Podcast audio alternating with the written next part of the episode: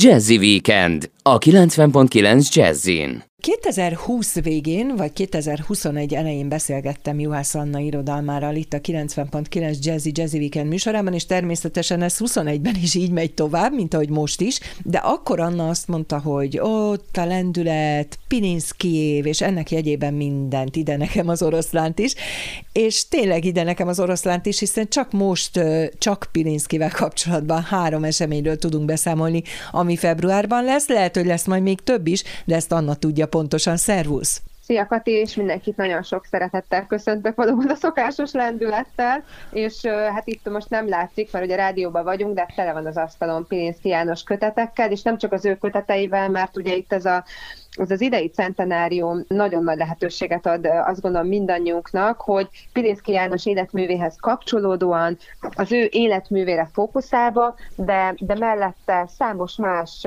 hozzá kapcsolódó, akár lelkileg vagy prózailag kapcsolódó szerzőt, írót, költőt, művészt ismerjünk meg, Úgyhogy itt nálam teljes a káosz lassan az asztalon, mert, mert valóban három estünk is lesz februárban Pilinszki Jánoshoz kapcsolódóan, és, és mindegyik különös, mindegyik egy picit más, az egyikben egy fiatal kortárs költő nő lesz a központban, meg költő és etnológus, ugye Janku Lauráról beszélek, aki Magyar falun Modvába, Rohániába született, Erdélyben, és hát egy hihetetlen tehetség. Most jelent meg egyébként a napokban az Oratórium című kötete, amiben versben is megidézi Pilinszki János, de egész élettel, gondolatisággal és életművel fantasztikus kapcsolódás a hitről, az érzésekről, úgyhogy én alig várom a vele való beszélgetést, és lesz zene Priger Zsoltal, és Fodor Ákos és Pilinszki János kapcsolata lesz a Szalon 121. estje.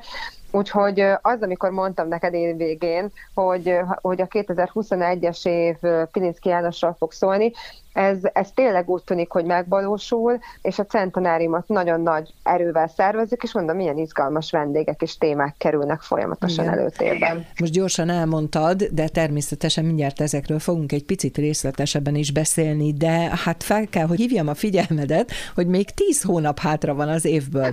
Pilinszki ad még annyit, nem lebecsülve az értékét, hanem pont az érdekel, hogy hogy tudod felfedezni azt, hogy volt nekünk egy Pilinszkink, és hogy milyen kapcsolatok, ma élő szerzők milyen kapcsolatban vannak vele, az ő munkásságával, gondolatiságával. Ez az izgalmas ebben, hogy megtalálni azokat az embereket, akik ezt nyíltan tudják vállalni, tudnak erről beszélni, fel tudják mutatni a, a verseiket, írásaikat. Tehát ez, az, ez a nagyon izgalmas benne.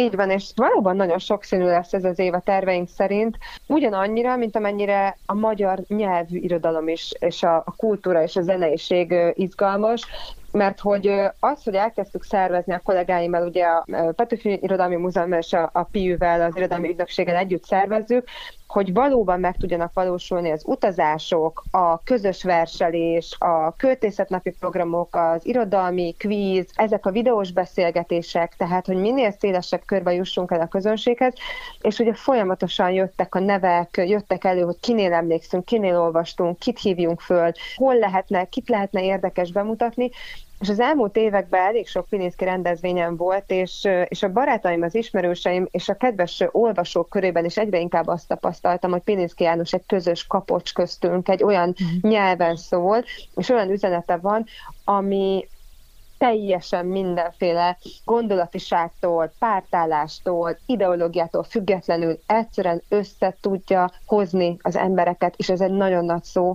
És én azt gondolom, hogy erre nagyon nagy szükségünk van, mert hogy ezek fontos gondolatok, már mint Pilinszki Jánosé, ha ezeket meghalljuk, ha ezeket összeszedjük, ha ezeket a gondolatokat, fogalmakat, szavakat, ami ugye mottója ennek a centenáriumnak, hogy száz fogalom, ezeket összeszedjük, akkor év végére biztos vagyok benne, hogy nagyon nagy és több fronton gazdagodik az életünk, így van, eldaráltam itt az elején a Janku Laurának a, a személyét, de hogy ő tényleg nagyon-nagyon fontos olyan szempontból, hogy általában, hogy be lehet mutatni, mivel hogy az ő költői munkásságának nagyon fontos része Pilinszki, hogy egy kortárs költő eszköztárában hogy jelenik meg ez a költő előd. Tehát hogy tud ő kapcsolódni, mik azok a láthatatlan, vagy akár egy versben kézzelfogható szálak, amivel ő kapcsolódik. Ugye ő azt mondja, hogy költészete, mármint Pilinszki, szabadított fel a békjók alól. Milyen nehéz szó az, hogy békjóvaló, de nem ezzel küzdünk mindannyian, hogy mm. van rajtunk valami, és, és vágyunk egyfajta felszabadulás, és nem ez maga az irodalom, nem ezért járunk irodalmi estekre. Én biztos ezért olvasok,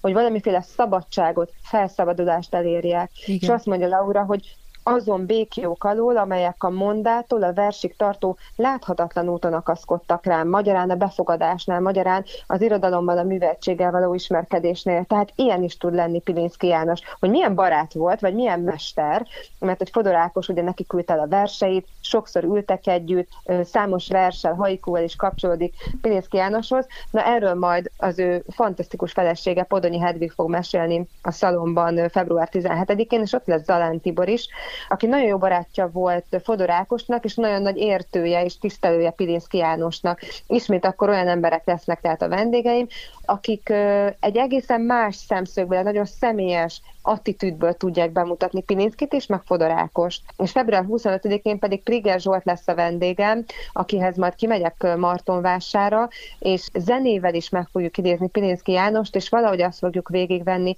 hogy mik azok a kapaszkodók, mennyiben forrás Zsolt számára Pilinszki János, ami talán mindannyiunkhoz szól, fiatalabbakhoz, idősebbekhez. Fontos számomra ez a kortárs olvasat, és hát én már mind a három programot nagyon várom.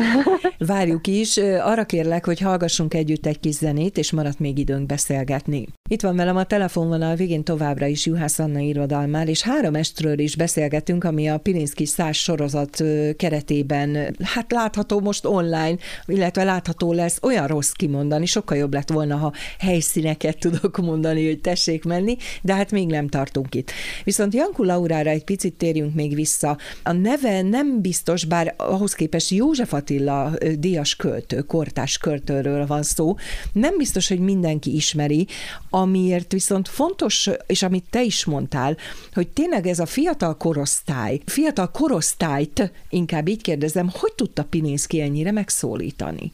Így van, hát Laurának már több mint tíz kötete van, és valóban, ahogy mondtad, ugye 19-ben József Attila díjat is kapott, volt Moritz ösztöndíjas. A költői munkássága mellett, ahogy mondtam, etnológus, és egyébként a Néprajztudományi Intézetben dolgozik itt Budapesten, és ami nagyon érdekes, hogy neki a kutatásának a középpontjában, és persze az életének a középpontjában is, de a kutatásának is a, a moldvai magyarság vallásosságának a vizsgálata, az identitáskeres és az identitásnak a kérdései állnak, és én azt gondolom, hogy ez nem csak a moldvai magyarságra igaz, hanem mindannyiunkra. Tehát az, hogy kik vagyunk, mibe tudunk hinni, egyetek kimondjuk ezt a szót, hogy hit, ami egyébként tudjuk, hogy nyilván Pilinszki János életében is kapaszkodott, fogockodott és nehézséget is okozott, miközben ö, sokszor használjuk azt, hogy mibe hiszünk, ugye minden nap. Nincs olyan nap, hogy nem mondjuk, hogy ebbe hiszek, te abba hiszel, de igazából mi az, ami vezeti az életünket, mi az, ami nekünk fogóckodót, kapaszkodót ad, ez nagyon-nagyon fontos. És Laura többször leírta azokat a, a költészeti szálakat, amiket ő már nagyon korán csak Pilinszkinél talált meg. Ezeket a fajta felszabadítást, ezt a fajta hittel való találkozást. Talán nincs még egy olyan kortárs ö, magyar költő, aki ennyire ennyire tisztán, ennyire dúsan és ennyire érzékletesen és ennyire egyben szemérmesen ír a vallásosságáról és a hitről. Én ki is tettem egyébként a Templomban című versét Laurának valamelyik nap a közösségi oldalunkra, hogy egy, ez még az elő, még egy korábbi kötetből az András érkezéséből volt, de hogy, hogy mutassam azt a, a kedves nézőknek, hogy hogy ír ő. Ugye van egy, egy, egy másik négy soros, és azt mondja, hogy rossz álmom volt minap éjjel, kivételez velem Isten. Kapáláson fogták anyám a világtalan sötétben. Négy sor, mm. és mennyi minden van ebben a versben. Én nagyon számítok arra, hogy Laurával az élőbe jelentkezésen február 11-én lesz. Elemezni is fogjuk az ő verseit, és mellé fogunk tenni számára nagyon fontos Pilinszki János verseket, és ugye őt is megkértem arra, hogy hozza el a kedvenc fogalmait, gondolatait, és menjünk végig ezeken a Pilinszki Jánoshoz kapcsolódó fogalmakon, mert én azt gondolom, hogy ezáltal nem csak Pilinszki költészetéhez, hanem a nagyon tehetséges Jan Laura költészetéhez is közelebb kerülünk. Nagyon izgalmas így hallgatni róla, és tényleg felvállaltan nem ismertem őt, és ezért is szerettem volna, mert Fodorákost vagy Priger Zsolt, róluk többet tudunk, jobban ismerjük őket.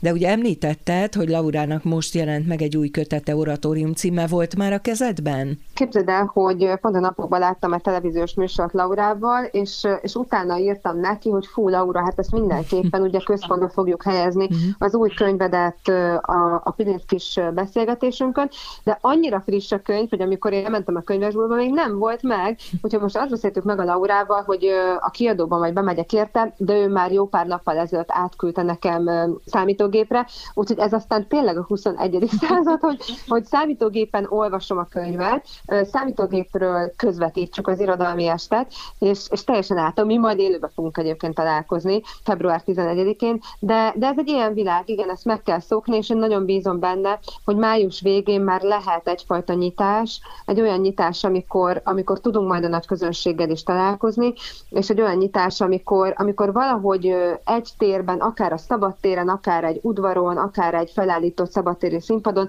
de együtt tudjuk ezeket a verseket hallgatni, átélni, mert ezért az igazi nagy feloldódás, mindenféle régi téveszmével szemben, hogy az irodalom egy magányos dolog, mégis az, amikor együtt vagyunk, és, és egyszerűen bennünk akad a szó, mert olyan szófordulatokat, gondolatokat, verseket hallunk, ami biztos nem életünket is megváltoztatja. Igen. Ami nekem még feltűnt, hogy a Pilinszki 100 mint sorozat, az ugye a Laurával való beszélgetés a Petőfi Irodalmi Múzeummal közös estekről szól, a Fodorákos féle beszélgetés az, az irodalmi szalon, a Juhász Anna irodalmi szalon párhuzamosan mennek ezek, vagy te így globálisan gondolkodtál, hogy ez az év tényleg Pilinszki jegyében telik majd mindkét helyen? Párhuzamosan mennek és globálisan gondolkodtam. A Pilinszki 100, ez a centenáriumi fogalmi szószedett Igen. sorozat, ez a Petőfi Irodalmi Múzeummal közös szervezésben valósul meg, és együtt szervezzük az utazásokat, a videós beszélgetéseket, a kvízeket. De mivel nekem számos irodalmi, úgymond ilyen műhelyen vagy otthonon van, és emellett számos helyen dolgozom, ezért én minden helyszínben, ahol dolgozom, együttműködéseket igyekszem létrehozni. Ugyanígy lesz ez Balatonfüreddel, a EKF, a Kulturális Főváros Veszprém projekttel.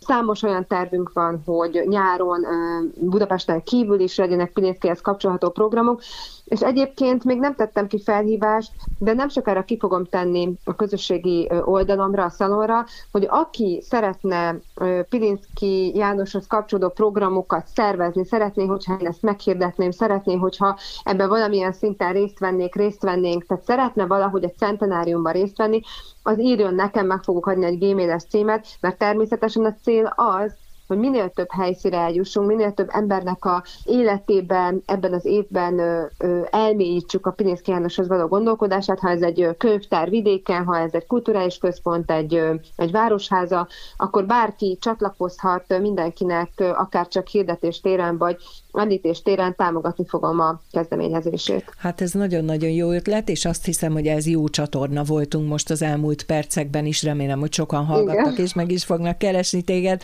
Nagyon szépen köszönöm, hogy itt voltál velem. Köszi, Kati, mindenkit üdvözlök.